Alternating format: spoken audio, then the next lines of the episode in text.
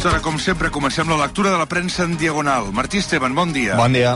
Anna Alfonso, bon dia. Bon dia. Sergi Ambudio, bon dia. Bon dia. La premsa d'arreu del món centra l'atenció, sens dubte, aquest matí amb la preocupació sobre la memòria de Joe Biden. Carburants BP Ultimate t'ofereix la notícia que fa la volta al món. El Washington Post destaca que l'informe que l'ha exculpat de la possessió de documents confidencials argumentant que és un home gran amb poca memòria, compon una imatge mordàs del president dels Estats Units i podria servir per reobrir una línia d'atac contra ell. Al New York Times llegim que l'informe posa l'edat i la memòria de Biden en el punt de mira i destaca que s'ha defensat de manera energètica en un intent per controlar els danys polítics. El USA Today opina que tot plegat és sens dubte dubte humiliant per Joe Biden, però també una informació molt pertinent que el poble nord-americà ha de conèixer mesos abans d'unes eleccions. El Wall Street Journal considera que l'informe és més perjudicial políticament que legalment i apunta que el Partit Demòcrata hauria de fer una reflexió sobre la candidatura de l'actual president en les properes eleccions. A Europa, l'alemany Der Spiegel considera vergonyós i verdaderament devastador les conclusions de l'informe per Biden. El francès Le Figaro creu que el president dels Estats Units s'ha mostrat indefens davant, la, davant les preguntes dels periodistes. I el britànic The Guardian coincideix que Biden ha intentat defensar-se de les conclusions de l'informe amb seguretat en un discurs sorpresa perquè no se n'ha sortit. I ara demana un desig. Últimament em demanen molt ser de mi BP perquè així sempre pots tenir a mà la targeta virtual a la teva Mi BP, consultar els teus saldos, ofertes i promocions... No, si jo ja sóc de BP. Ah, d'acord, doncs llavors no sé què més pots demanar, un cotxe... Si tu també vols demanar un desig, descarrega l'app Mi BP i aconsegueix aquests avantatges i molts més.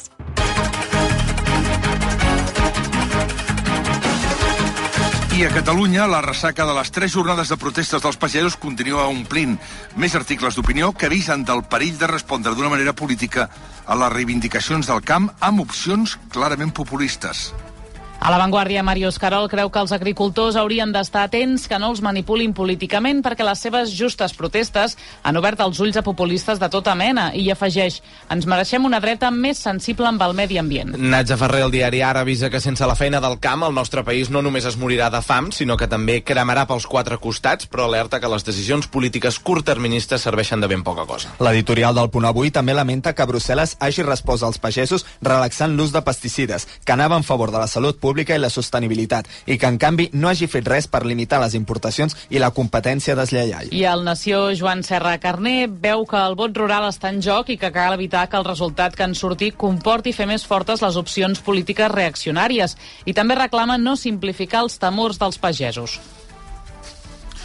Eh, mentrestant, els diaris de Madrid també coincideixen a qualificar les protestes de la pagesia com a legítimes i culpen els partits de diverses ideologies de capitalitzar-les pels seus propis interessos polítics. Sí, a El País, Ana Fuentes critica que la Unió Europea demani als pagesos sostenibilitat i ser més competitius, però també digui que això només ho poden fer si assumeixen ells els costos. Tot i això, es queixa dels partits d'ultradreta que en capitalitzen la situació. El Mundo, Antonio Lucas, defensa que la protesta dels pagesos és totalment legítima. Considera que se'ls escanya amb normes, lleis i competències deslleials i també afirma que fa riure la cap capitalització política d'aquestes protestes. La Razón defensa l'editorial que els agricultors no són l'extrema dreta i considera que tots els que es manifesten tenen ideologies diferents, però una característica en comú, que viuen del camp i pel camp. I a l'Espanyol, Baldomero Segura qualifica l'estat d'ànim dels agricultors d'afartament i conclou que el camí que se'ls imposa és inviable i que posa en risc la nostra sobirania alimentària.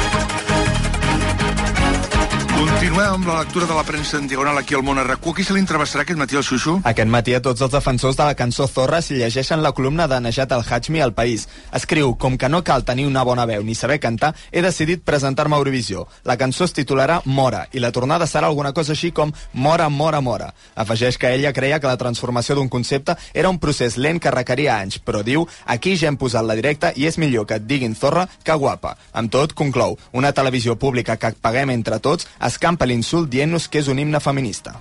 Déu-n'hi-do.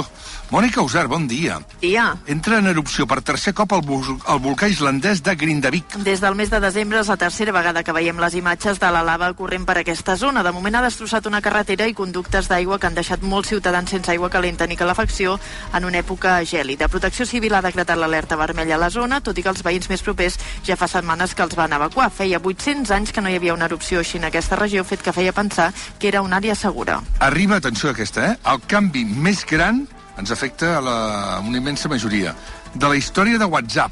A partir del mes que ve es podran enviar missatges a Telegram o iMessage, l'app exclusiva d'Apple, des de dins de l'aplicació de WhatsApp. Hi haurà dues categories de xat, les converses exclusivament per WhatsApp, les de tota la vida, i les converses amb altres aplicacions implicades. Serà en compliment d'una nova normativa europea que obliga les grans empreses de comunicació a permetre que des del seu mateix servei es pugui operar amb d'altres. Ho llegim al Nació. Per tant, podrem enviar missatges a gent que està connectada a Telegram. I els Oscars del 2026 incorporaran una nova categoria. Sí, la de director de càsting. Com que la primera estatueta en aquesta categoria s'entregarà el 2026, això vol dir que hi participaran les pel·lícules estrenades l'any que ve. La premsa especialitzada ha aplaudit la notícia, com la revista Variety, que considera que això fa que la indústria millori i apunta la possibilitat que en el futur l'Acadèmia de Hollywood incorpori també les categories de, per exemple, actor especialista o actor de veu. Frit Rabbit, bat rècords de facturació. Santanderesmusic.com t'ofereix la notícia econòmica. El fabricant de patates fregides, snacks i fruits secs ha superat la barrera dels 300 milions d'euros en ingressos en l'últim any. És l'exercici amb una facturació més elevada en els seus 60 anys d'història. Aquests més de 300 milions, 302 concretament, suposen un creixement del 15% respecte a l'any anterior. Ho llegim a l'Expansió. Quan alguna cosa t'agrada molt, saltes. Salta amb el Santander a descomptes en festivals i concerts. A prevenda exclusiva d'entrades i a meet and greet amb artistes. Només per ser del Santander. Viu la cultura i el millor contingut musical a santanderesmusic.com. Salta amb el Santander. Santander, per tu, els primers. I què hem vist a TikTok a tres quarts tocats de vuit del matí? Doncs un d'aquells vídeos que et fon el cor.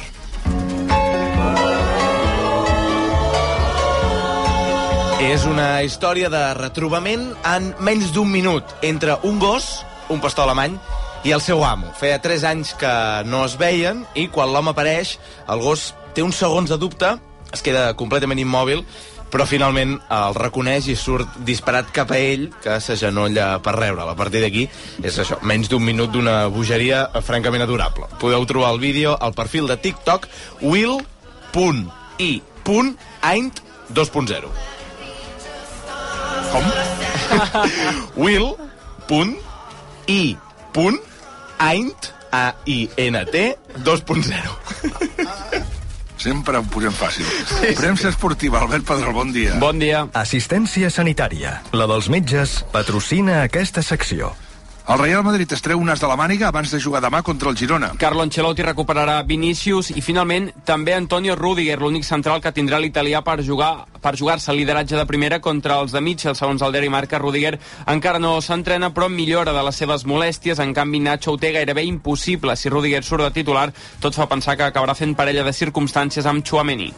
I Kylian Mbappé fa la carta de Reis per l'equip que el vulgui fitxar. El francès és l'etern jugador pretès pel Real Madrid, però segons el diari AS, si Florentino el vol fitxar, haurà de complir les següents condicions. Mbappé vol cobrar 50 milions d'euros bruts per temporada, és a dir, 25 de nets i a banda vol una prima de fitxatge de 120 milions d'euros, a més d'extras, principalment pels seus drets d'imatge. De quina asseguradora mèdica ets? Jo? De la dels metges. De la dels metges, és clar. Som de la dels metges. Assistència sanitària. Creada, gestionada, dirigida i recomanada per metges. Assistència sanitària. La dels metges. La notícia fric. Lloguer segur. Sempre al teu costat. Patrocina aquest espai. Jordi Saumell, bon dia. Bon dia. El llibre dels rècords ha decidit no reconèixer la fita d'un francès que ha dedicat 8 anys de la seva vida a construir una rèplica de la Torre Eiffel amb llumins. Aquesta rèplica fa 7 metres i està feta amb 706.900 llumins, però el llibre dels Guinness no ha reconegut la fita perquè l'home no va fer servir el tipus de llumins correctes, sinó uns llumins que no estaven disponibles comercialment i que havien canviat la seva forma original per adaptar-los a la construcció. L'home, evidentment, està indignat. On ja està el moc aquest matí? A Maritatis, on diuen que Shakira ha començat a esborrar el seu rastre empresarial a Espanya, ja ho ha fet amb la societat Xigulf SL, amb la qual havia invertit en empreses emergents. Vanitatis creu que la cantant podria acabar fent el mateix amb les altres dues empreses amb seu social Esplugues de Llobre Llobregat, la consultoria Fire Rabbit SL i Global Golden Tour, dedicada a gestionar els beneficis de la seva carrera musical. I avui que Santa Polònia és l'aniversari de... El DJ i cantant Kiko Rivera, que fa 40 anys, l'exfutbolista Jordi Cruyff, 50 anys, Oh, Jordi Cruyff 50, per l'amor de Déu. l'entrenador i exfutbolista Ernesto Valverde, 60 anys, Sí, que dic que, ahir, que ahir vaig dir que el vaig felicitar i que és avui, l'Ernesto Valverde avui fa 60 anys, jugador del Barça, de l'Atlètic de Bilbao, entrenador, que és, és, eh, és, eh, ell és extremeny, eh? nascut a, crec que és a Cáceres, crec, crec, crec, crec, i a l'Espanyol, que també va jugar. Avui també fa anys el dissenyador Javier Mariscal, 74, l'actriu Mia Farro, Han i les seves germanes, la llavor del diable, 79 anys, l'actor Joe Pesci, sol a casa, un dels nostres 81 anys, i la cantant i compositora Carol King. And It's Too Late Baby, Now It's Too Late, fa 82 anys. 82 anys Carol King, que va ser parella James Taylor. I el nacional cunyadisme de Xavi Norrigues a Instagram, avui cunyadisme de cine, amb la frase... Pel Woody Allen, Nova York és un personatge més. A Lloguer Segur sabem que cada client és únic. Per això estem orgullosos de ser la primera empresa del sector a rebre la certificació ENOR de compromís amb la gent gran. Horari preferent, més de 50 oficines a la teva disposició, gestors especialitzats i molt més perquè l'edat no sigui un obstacle pel lloguer. Lloguer Segur, la revolució del lloguer. Quina contraportada no ens podem perdre avui en Factor Energia? La del País, que entrevista l'escriptor i expert en networking Cipri Quintes. Aquest madrileny havia muntat més de 30 discoteques quan la tecnologia el va convertir en un gurú de les relacions professionals. Actualment, Quintes assessora polítics, famosos o empresaris i els seus llibres acumulen desenes d'edicions. El seu tret diferencial diu que és actuar amb passió. Destaca, és més ximple i més lent al cap que al cor.